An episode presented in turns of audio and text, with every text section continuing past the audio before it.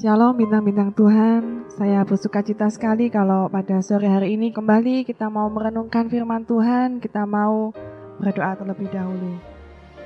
Bapak kami yang di surga, terima kasih Tuhan, Allah kami yang sungguh luar biasa. Kami bangga memiliki Allah seperti Engkau ya Bapak. Saat ini ya Bapak, kami mau merenungkan firman-Mu. Biarkan Tuhan Kau lembutkan setiap hati kami. Biarkan Tuhan firman-Mu boleh menguatkan setiap kami dan membuat kami Tuhan semakin dekat dengan Engkau. Supaya Tuhan kami lebih lagi boleh mengenal Engkau secara pribadi dan kami boleh menerima keselamatan-Mu yang sejati ya Bapa. Terima kasih Tuhan. Kami serahkan doa ini di dalam nama Tuhan Yesus Kristus. Kami berdoa dan mengucap syukur. Haleluya. Amin. Ya bintang Tuhan, pada sore hari ini kita akan membaca satu firman Tuhan dari kitab Lukas 13 ayat yang ke-6 sampai ke-9. Di situ dikatakan perikopnya mengenai perumpamaan tentang pohon ara yang tidak berbuah. Ayat yang ke-6. Lalu Yesus mengatakan perumpamaan ini, seorang mempunyai pohon ara yang tumbuh di kebun anggurnya, dan ia datang untuk mencari buah pada pohon itu, tetapi ia tidak menemukannya. Lalu ia berkata kepada pengurus kebun anggur itu, sudah tiga tahun aku datang mencari buah pada pohon ara ini, dan aku tidak menemukannya. Tebanglah pohon ini. Untuk apa ia hidup di tanah ini dengan percuma? Jawab orang itu, Tuhan, biarkanlah dia tumbuh tahun ini lagi. Aku akan mencangkul tanah sekelilingnya dan memberi pupuk kepadanya. Mungkin tahun depan ia berbuah.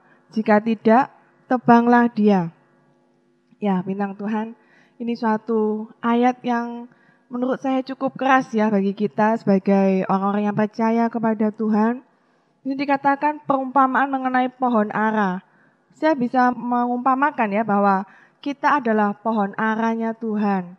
Di sini Tuhan adalah pemilik kebun anggurnya. Dalam kehidupan kekristenan kita, Tuhan sangat merindukan kalau setiap kita itu menghasilkan buah. Dengan jelas sekali dikatakan bahwa pemilik kebun anggur itu dia datang mencari buah pada pohon itu. Tetapi ketika pemilik kebun anggur itu dia datang mencari buah, dia tidak menemukannya.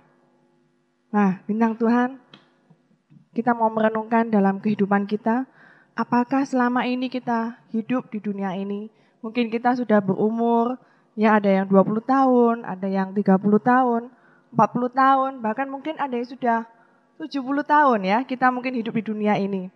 Tetapi suatu pertanyaan bagi kita sore hari ini, apakah dalam hidup kita kita sudah menghasilkan buah? Karena itulah yang Tuhan inginkan ketika dia datang ke dunia ini. Dia mencari buah-buah di dalam hidup kita. Sudahkah kita berbuah? Mengapa kita harus berbuah? Ini sangat penting dalam kehidupan kekristenan kita. Kita tidak bisa kita menganggap bahwa ya aku kan sudah percaya kepada Tuhan Yesus, tetapi kita hanya sekedar percaya saja dari mulut kita dan tidak ada suatu buah yang nyata. Nah, itu berarti kita belum benar-benar menerima keselamatan yang sejati. Karena keselamatan yang sejati itu adalah salah satunya terlihat dari buah-buah kita. Nah, bintang Tuhan, kita mau lihat Mengapa kita harus berbuah? Yang pertama, itu karena perintah Tuhan. Perintah Tuhan bahwa kita harus berbuah. Kita mau lihat dalam kitab Yohanes. Kita buka dalam kitab Yohanes pasal yang ke-15. Kita mau buka sama-sama. Yohanes 15 ayat yang ke-16. 15 ayat yang ke-16 dikatakan Bukan kamu yang memilih aku, tetapi akulah yang memilih kamu, dan aku telah menetapkan kamu, supaya yang pertama, kamu pergi, dan yang kedua, menghasilkan buah. Dan buahmu itu tetap. Sampai situ dulu bintang Tuhan. Di sini dikatakan bahwa suatu perintah Tuhan bagi kita adalah kita harus menghasilkan buah. Itu satu perintah Tuhan. Jadi kita Mau tidak mau, suka tidak suka, kita harus menghasilkan buah dalam hidup kita. Kemudian yang kedua, kita lihat dalam kitab Filipi pasal yang pertama, Filipi pasal yang pertama ayat yang ke-21 sampai ke-22. Karena bagiku hidup adalah Kristus dan mati adalah keuntungan. Tetapi jika aku harus hidup di dunia ini, itu berarti bagiku bekerja memberi buah. Sampai situ ya. Jadi yang kedua, kenapa kita harus berbuah? Karena kita hidup di dunia ini untuk bekerja dan memberikan buah. Bekerja memberikan buah. Waktu itu saya percaya ya dalam kitab Filipi ini ketika ditulis oleh Rasul Paulus, mungkin dia berkata, wah dia bingung memilih antara aku harus hidup atau aku harus mati. Karena Paulus pun berkata bahwa hidup kita itu adalah untuk Kristus. Dan kalaupun kita mati, bukan berarti kita malah ketakutan ya, kita mati tapi kita malah suatu keuntungan bila kita mati di dalam Kristus.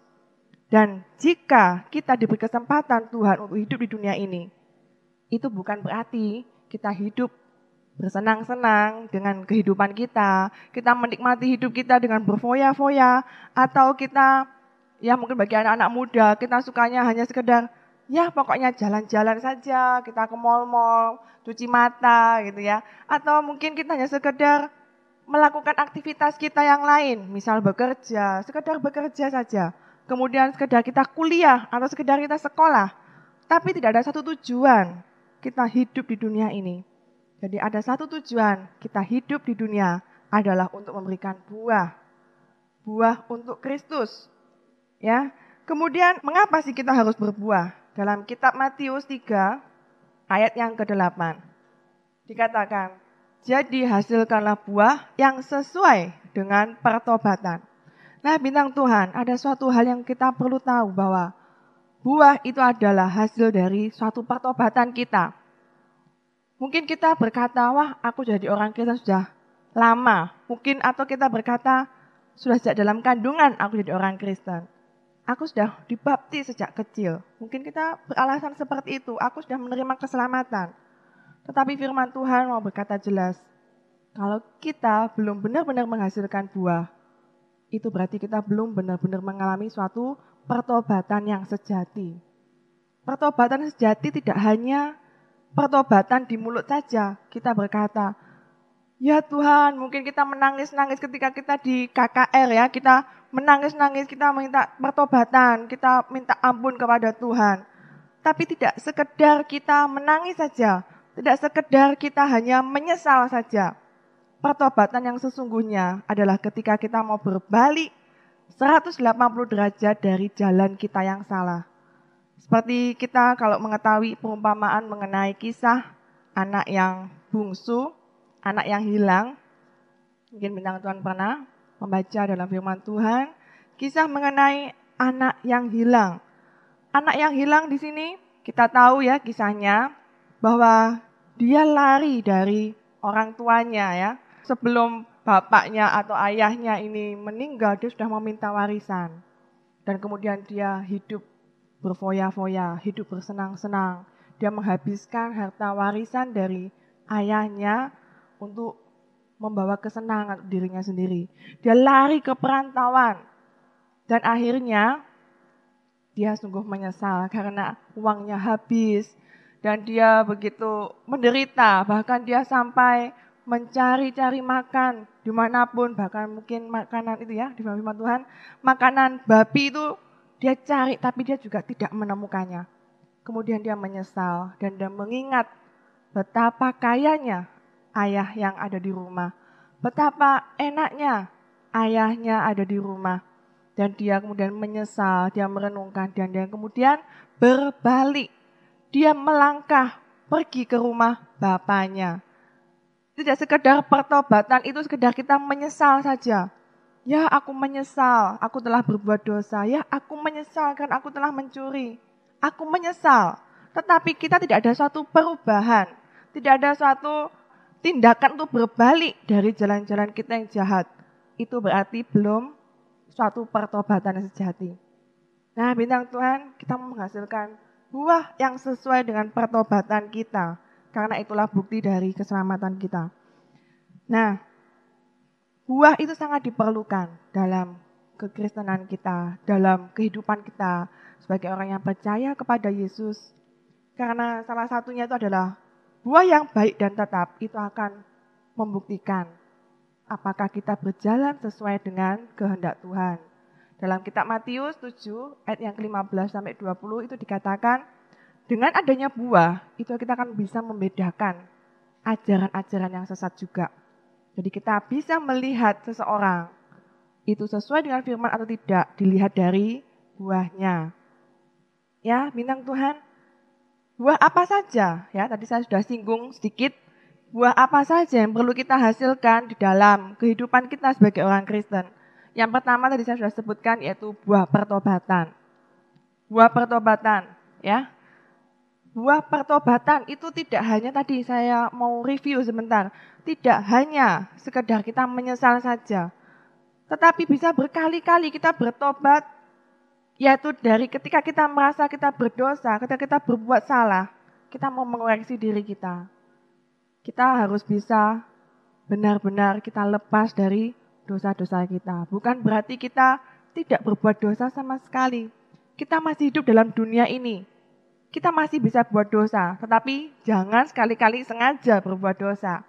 Ya, kita masih ada dalam kedagingan ini. Bahkan Rasul Paulus dia berkata bahwa tubuhnya ini adalah manusia yang celaka. Karena dia ingin melakukan sesuatu yang baik, tapi yang tidak baik yang dia lakukan. Tapi bukan berarti terus kita bersenang-senang tinggal dalam dosa.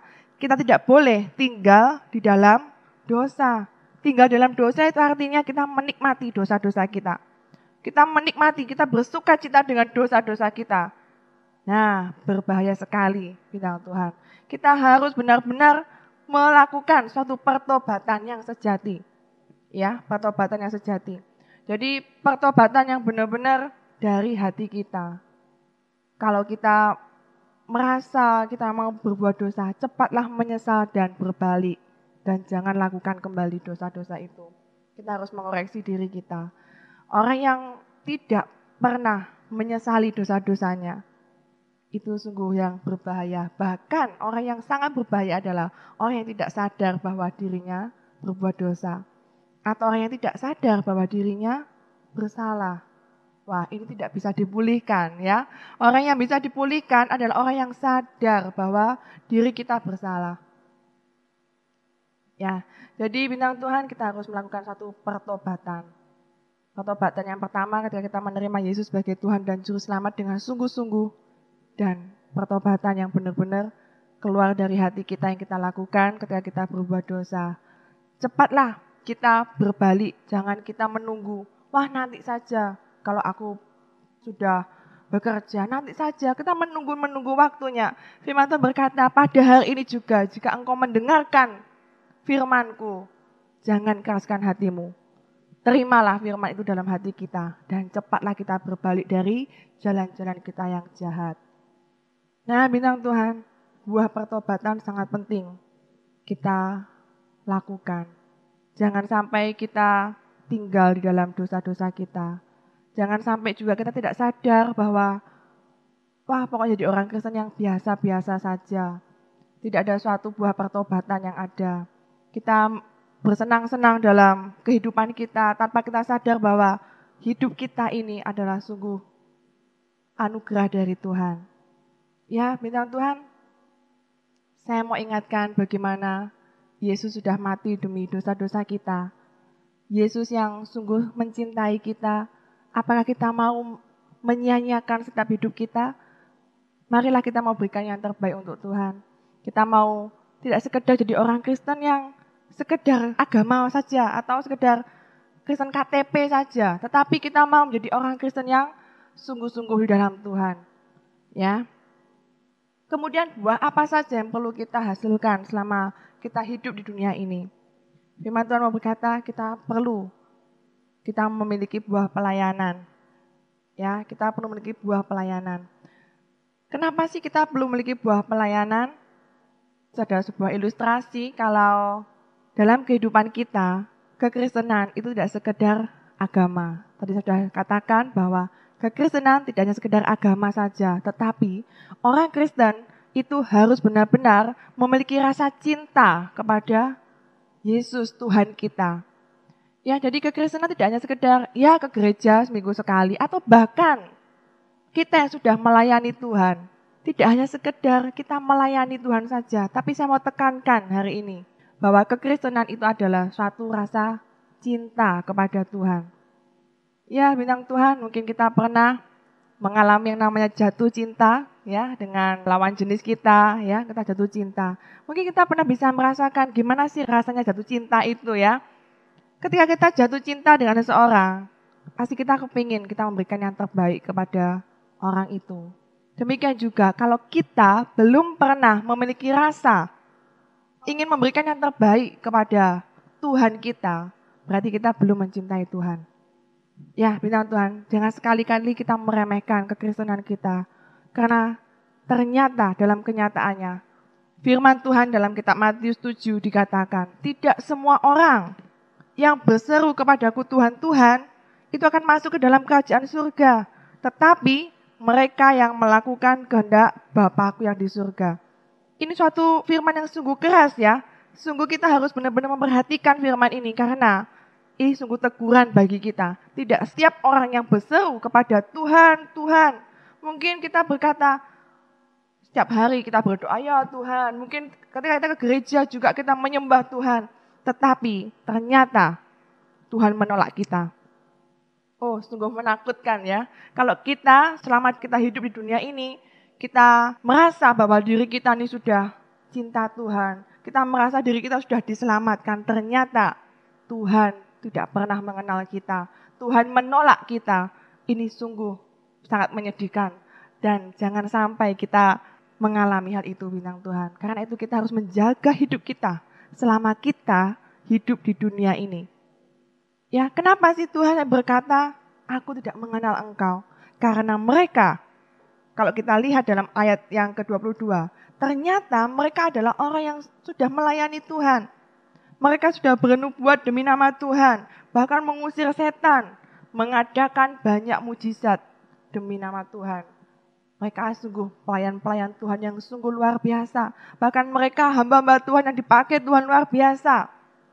Mereka sungguh melayani Tuhan dengan luar biasa. Tetapi mengapa Tuhan menolak mereka? Tuhan tidak mengenal mereka. Karena mereka tidak melakukan pelayanan itu dengan sungguh-sungguh kepada Tuhan. Mungkin mereka melayani Tuhan karena motivasi yang jahat, karena motivasi yang pengen mendapat berkatnya saja. Mereka melayani dengan motivasi ya supaya berkhotbah mendapatkan bayaran mungkin seperti itu ya atau mereka melayani supaya mendapatkan popularitas, mendapatkan pasangan. Jadi mereka memiliki motivasi yang benar-benar tidak sesuai dengan kehendak Tuhan. Firman Tuhan berkata, "Enyahlah daripadaku kamu sekalian pembuat kejahatan." Nah, jangan sampai kita adalah salah satu dari golongan orang-orang yang seperti itu.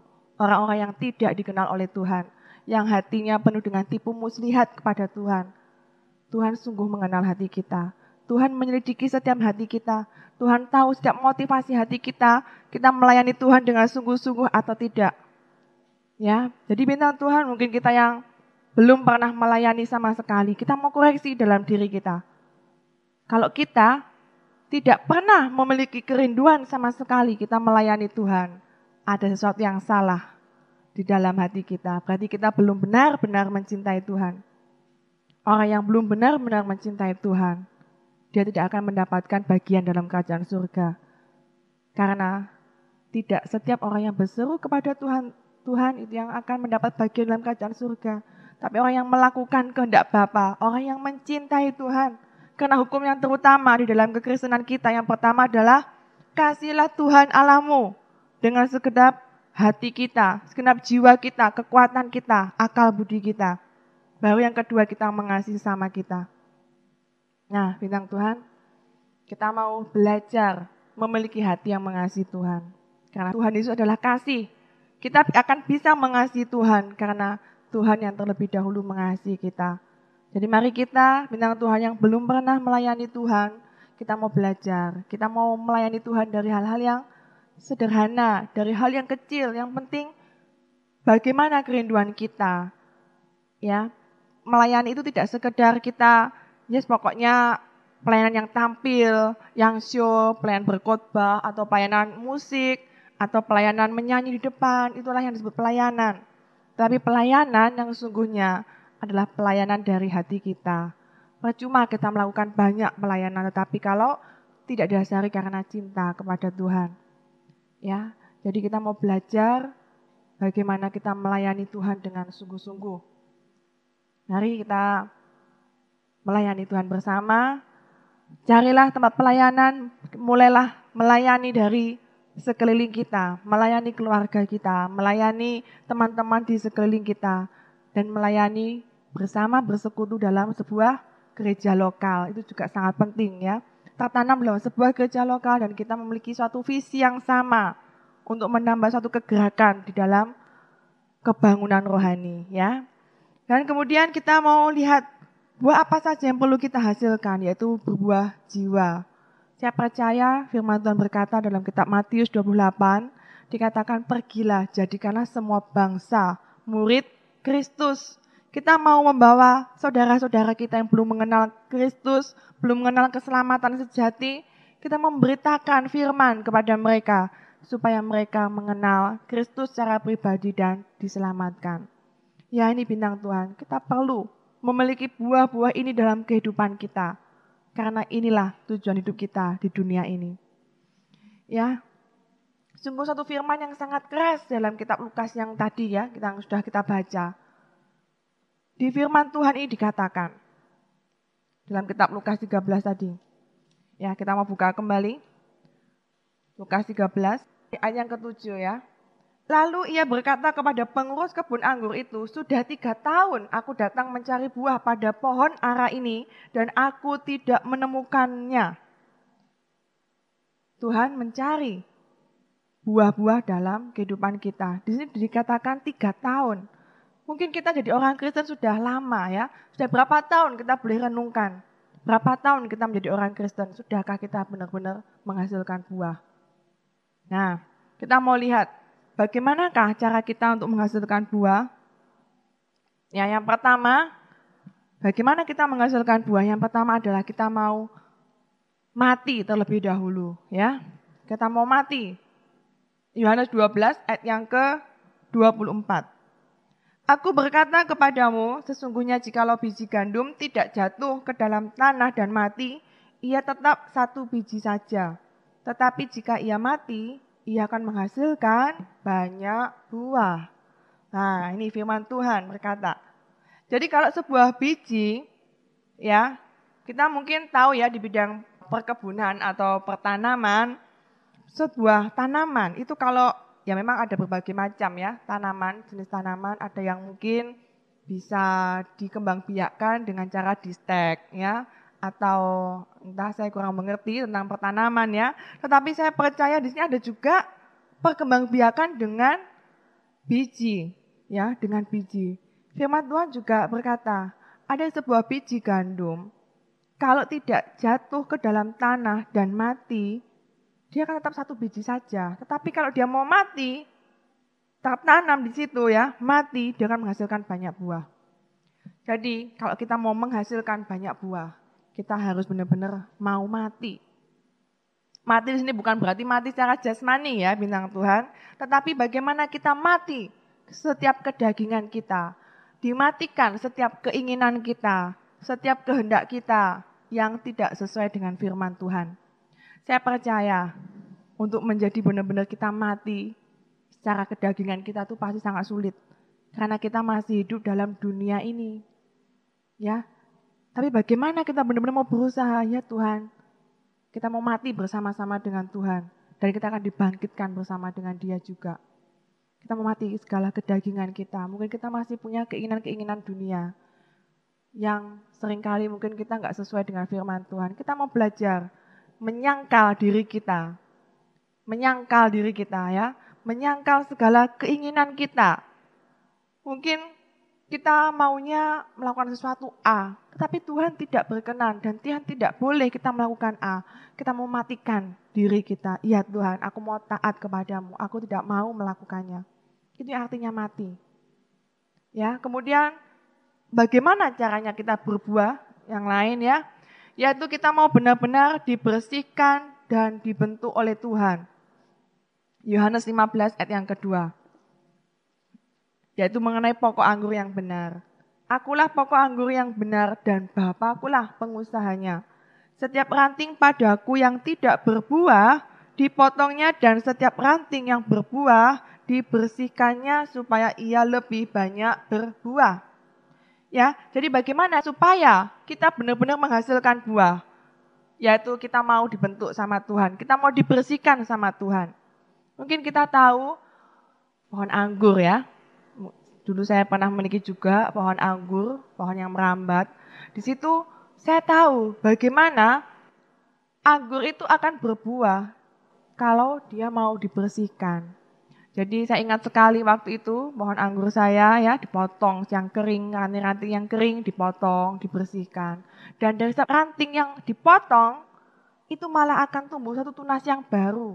Tumbuh suatu daun-daunan yang baru yang dari cabang itulah akhirnya menghasilkan buah. Jadi selama pohon anggur itu tidak pernah dipotong dan dibersihkan, dia tidak akan pernah berbuah.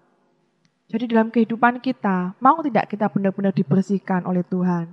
Benar-benar kita mau dibentuk sama Tuhan.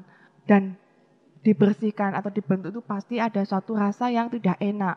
Mungkin kita akan digoncangkan dalam kehidupan kita. Kita dimurnikan oleh Tuhan kita mau benar-benar kita mau belajar. Ya Tuhan, bersihkan aku dari dosa-dosaku, murnikan aku, bentuk aku supaya aku berbuah lebih banyak lagi. Kemudian bagaimana cara kita berbuah? Kita mau baca yang selanjutnya, Yohanes 15 ayat yang kelima. Saya mau baca aja selanjutnya ya, minta Tuhan ayat yang ketiga dulu ya. Kamu memang sudah bersih karena firman yang telah kukatakan kepadamu. Tinggallah di dalam aku dan aku di dalam kamu sama seperti ranting tidak dapat berbuah dari dirinya sendiri kalau ia tidak tinggal pada pokok anggur. Demikian juga kamu tidak berbuah jikalau kamu tidak tinggal di dalam aku.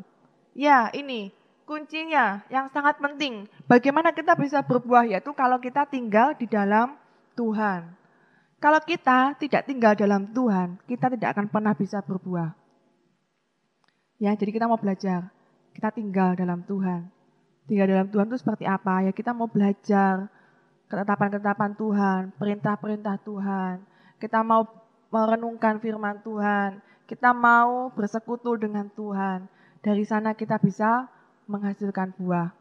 Karena kita tidak bisa ya hanya melihat buahnya saja, tapi ternyata dalam hati kita itu juga jahat kita tidak benar-benar mengenal Tuhan secara pribadi, maka buah itu juga kelihatannya dari luar itu segar. Mungkin kita bisa bayangkan ya buah apel ya, mungkin buah apel kelihatannya kok segar sekali, sungguh menarik ternyata dari dalamnya itu begitu busuk.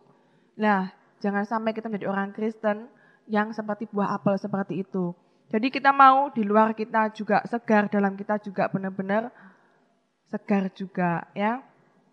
Nah, Kemudian bagaimana kita bisa menghasilkan buah? Ternyata kita mau lihat lagi ya dalam kitab Lukas 13 yang tadi. Ternyata bagaimana kita menghasilkan buah? Kalau kita melihat sebuah pohon, dia pasti membutuhkan suatu tempat untuk bertumbuh, ya. Tidak ada kan sebuah tanaman apa pun yang tidak ada suatu habitat atau tanah untuk dia menancapkan akar-akarnya. Jadi dalam kita berbuah, ternyata kita membutuhkan suatu tempat untuk kita bertumbuh dan menghasilkan buah. Nah, bagaimana apakah kita dalam menghasilkan buah ini sudah benar-benar memiliki suatu komunitas di dalam Tuhan? Ya, saya mau tekankan, kita sangat memerlukan suatu komunitas untuk benar-benar bertumbuh. Ya, jadi ini sangat erat hubungannya dengan pertumbuhan bintang Tuhan. Jadi sebuah pohon tidak akan pernah bisa berbuah kalau dia tidak bertumbuh terlebih dahulu, ya. Jadi ini ada hubungannya dengan pertumbuhan rohani kita. Kita tidak akan pernah bisa berbuah kalau kita belum bertumbuh. Nah, dalam pertumbuhan kita memerlukan suatu tempat, komunitas ya, suatu tempat. Ya, walaupun mungkin ada tanaman yang dia bertumbuh di air ya, di daerah air-air situ mungkin hidroponik atau apa itu ya. Tapi dia juga membutuhkan habitat, tempat untuk dia menancapkan akarnya dan bertumbuh. Nah, bintang Tuhan di sini mungkin yang belum memiliki suatu komunitas dalam Tuhan. Mungkin gerejanya masih GKS ya, gereja keliling Surabaya, mungkin seperti itu ya. Kalau kita di Surabaya mungkin. Nah, saya mau ajak bintang Tuhan, kita mau sama-sama menemukan tempat kita. Karena kalau kita tidak benar-benar bertumbuh dalam satu tempat yang jelas, dan kita sering pindah-pindah ya, dari tempat ke tempat yang lain, ya ini seperti sebuah pohon yang ditanam, dia berakar sebentar, kemudian dicabut lagi ya, kemudian ditanam lagi, dan dia tidak akan pernah bisa menghasilkan buah. Karena sebelum dia menghasilkan buah, dia sudah lemas dulu ya, mungkin dia sudah lemas dulu karena dia banyak berpindah-pindah. Jadi kita mau menemukan komunitas yang benar-benar di hadapan Tuhan. Ya, kemudian bagaimana kita bisa berbuah? Kita mau uh, membayangkan tanaman ya, Bagaimana dia bisa menghasilkan buah dia perlu diberikan satu nutrisi dalam uh, tanaman ini. Nutrisi atau pupuk ya. Nah, pupuk ini adalah nutrisi yang perlu kita berikan di dalam kehidupan kita juga. Apa sih nutrisi itu? Yaitu firman Tuhan. Kita mau setia mendengarkan firman Tuhan. Kita mau setia merenungkan firman Tuhan karena itulah yang menjadi roti hidup kita. Firman Tuhan berkata, makananku bukan hanya sekedar makanan dari roti saja, tetapi yaitu melakukan kehendak Bapa yang di surga. Kehendak Bapa di surga bisa kita tahu dari firman Tuhan. Ya. Jadi kita mau merenungkan firman Tuhan, mungkin kita yang tidak punya Alkitab ya bisa membelinya ya. Yang punya Alkitab tapi yang selalu disimpan di bawah kolong meja bisa mulai dibuka ya yang selalu jadi bantal mungkin. Nah, itu sampai sobek-sobek ya. Kita mau rapikan kembali dan kita baca ya. Enggak sekedar jadi hiasan saja di lemari kita, tapi kita mau baca, renungkan firman Tuhan. Dan yang terlebih penting yaitu kita mau melakukan firman Tuhan. Kemudian bagaimana cara kita berbuah? Ya, yaitu bagaimana kita menyiapkan hati kita sebagai tanah yang baik diberikan firman Tuhan, tetapi kalau hati kita keras, hati kita begitu menolak firman Tuhan, kita juga tidak akan pernah bisa berbuah. Jadi kita perlu menyiapkan hati kita sebagai tanah yang subur, sebagai tanah yang baik. Kita akan bisa menghasilkan buah. Itu seperti dalam perumpamaan dalam kitab Matius pasal yang ke Matius pasal yang ke-13. Matius pasal yang ke-13 ayat yang ke-8. Di situ dikatakan ya, dan sebagian jatuh di tanah yang baik lalu berbuah. Ada yang 100 kali lipat, ada yang 60 kali lipat, ada yang 30 kali lipat. Siapa bertelinga hendaklah ia mendengar. Ini kan perumpamaan mengenai seorang penabur ya. Ada yang jatuh di pinggir jalan, ada yang jatuh di tanah yang berbatu-batu, ada yang jatuh di semak-semak duri gitu ya. Jangan sampai ketika kita mendengarkan firman Tuhan, masuk telinga kanan, keluar telinga kiri. Dan kita tidak benar-benar mendengarkan firman itu dan merenungkan, melakukan firman itu. Jadi ketika kita mendengarkan firman, diberikan pupuk nutrisi, ya kita mau ya, firman Tuhan itu, benih-benih firman Tuhan itu jatuh di tanah yang baik. Tanah yang baik itu tanah hati kita. Kita mendengarkan dan melakukan firman Tuhan itu. Ya, bintang Tuhan, inilah bagaimana kita perlu sekali kita menghasilkan buah dalam hidup kita. Nah, kemudian apa sih kalau kita benar-benar mau menghasilkan buah? Apa sih akibatnya? Kalau kita benar-benar kita menghasilkan buah-buah dalam hidup kita, akibatnya yaitu kita akan lihat dalam Yohanes 15 ayat yang ke-7 dikatakan, "Jikalau kamu tinggal dalam aku dan firmanku tinggal di dalam kamu, mintalah apa saja yang kamu kehendaki dan kamu akan menerimanya. Ya, dalam hal inilah Bapakku dipermuliakan, yaitu jikalau kamu berbuah banyak dan dengan demikian kamu adalah murid-muridku. Jadi ketika kita menghasilkan buah, ini satu hal yang mungkin sungguh kita nanti-nantikan ya. Minta apa saja yang kamu kehendaki, kamu akan menerimanya. Tapi kita perlu ingat, minta apa saja Bukan berarti minta terus kita minta semuanya, minta mobil mewah, minta rumah gitu ya, minta semuanya gitu ya kepada Tuhan. Kita minta sesuatu yang sesuai dengan kehendak Tuhan. Jangan sampai kita merasa kecewa. Lu firman Tuhan kan berkata semua yang aku kehendaki, aku akan menerimanya. Kok aku belum menerimanya? Ya, karena kita memintanya menurut hawa nafsu kita sendiri, tidak sesuai dengan kehendak Tuhan. Ya, jadi kita mau belajar kalau kita berjalan sesuai kehendak Tuhan dan kita minta ya, apa yang kita minta itu sesuai kehendak Tuhan. Misalnya kalau kita mungkin minta ya ada satu pemulihan dalam keluarga kita, pemulihan dalam keuangan kita. Tuhan bisa. Tuhan bisa memberkati kita, Tuhan bisa menggenapinya itu dalam hidup kita. Tapi kalaupun tidak itu terjadi, jangan sampai kita kecewa. Tuhan ada waktunya, dia memberikan yang terbaik buat kita. Itu yang pertama, kita kalau minta apa saja, Tuhan akan berikan kepada kita sesuai kehendak Tuhan.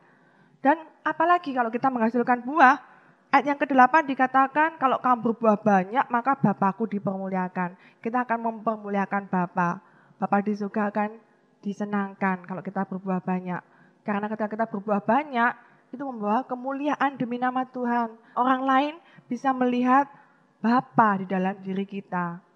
Dan dengan demikian kamu adalah murid-muridku. Ketika kita menghasilkan buah, itu adalah suatu bukti bahwa kita adalah murid Kristus. Ya, nanti dalam suatu kesempatan lain kita akan membahas bagaimana kita menjadi murid Kristus yang sejati, ya. Jadi kita akan belajar banyak hal bagaimana kita menjadi murid Kristus. Dan salah satu buktinya kita menghasilkan buah-buah itu, ya. Jadi minta Tuhan, tetaplah kita menghasilkan buah dalam hidup kita kita mau koreksi diri kita. Sudahkah aku menghasilkan buah? Dan firman Tuhan berkata, kita perlu menghasilkan buah yang tetap ya. Tetapi ada suatu akibat yang sungguh menakutkan ya. Sungguh harus menggentarkan hati kita bila kita tidak menghasilkan buah. Yaitu dalam kitab Lukas yang tadi ya. Lukas 13. Kita mau kembali dalam kitab Lukas 13 ayat yang ke-8. Mulai ayat yang ke-7 lebih dahulu ya. Lalu ia berkata kepada pengurus kebun anggur itu, sudah tiga tahun aku mencari buah pada pohon ara ini dan aku tidak menemukannya. Maka yang terjadi, tebanglah pohon ini. Untuk apa ia hidup di tanah ini dengan percuma? Jadi kalau kita tidak menghasilkan buah, maka akibatnya yaitu kita akan ditebang. Ya, kita akan ditebang.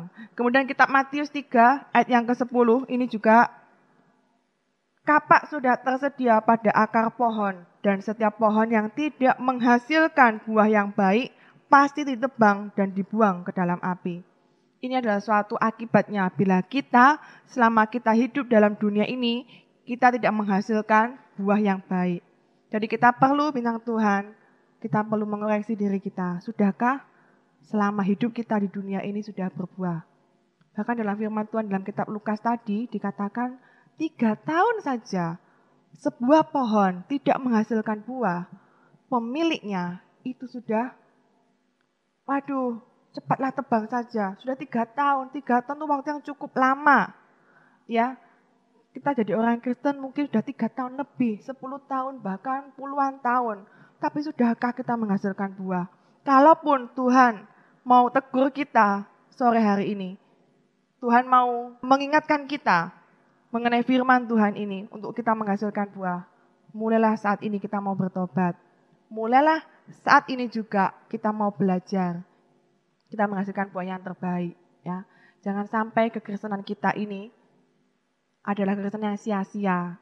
Tapi kita mau membawa hidup kita ini memberikan yang terbaik untuk Tuhan. Yaitu menghasilkan buah, buah pertobatan kita, buah pelayanan kita, dan buah jiwa. Kita membawa teman-teman kita, membawa saudara-saudara kita, membawa keluarga kita datang kepada Tuhan.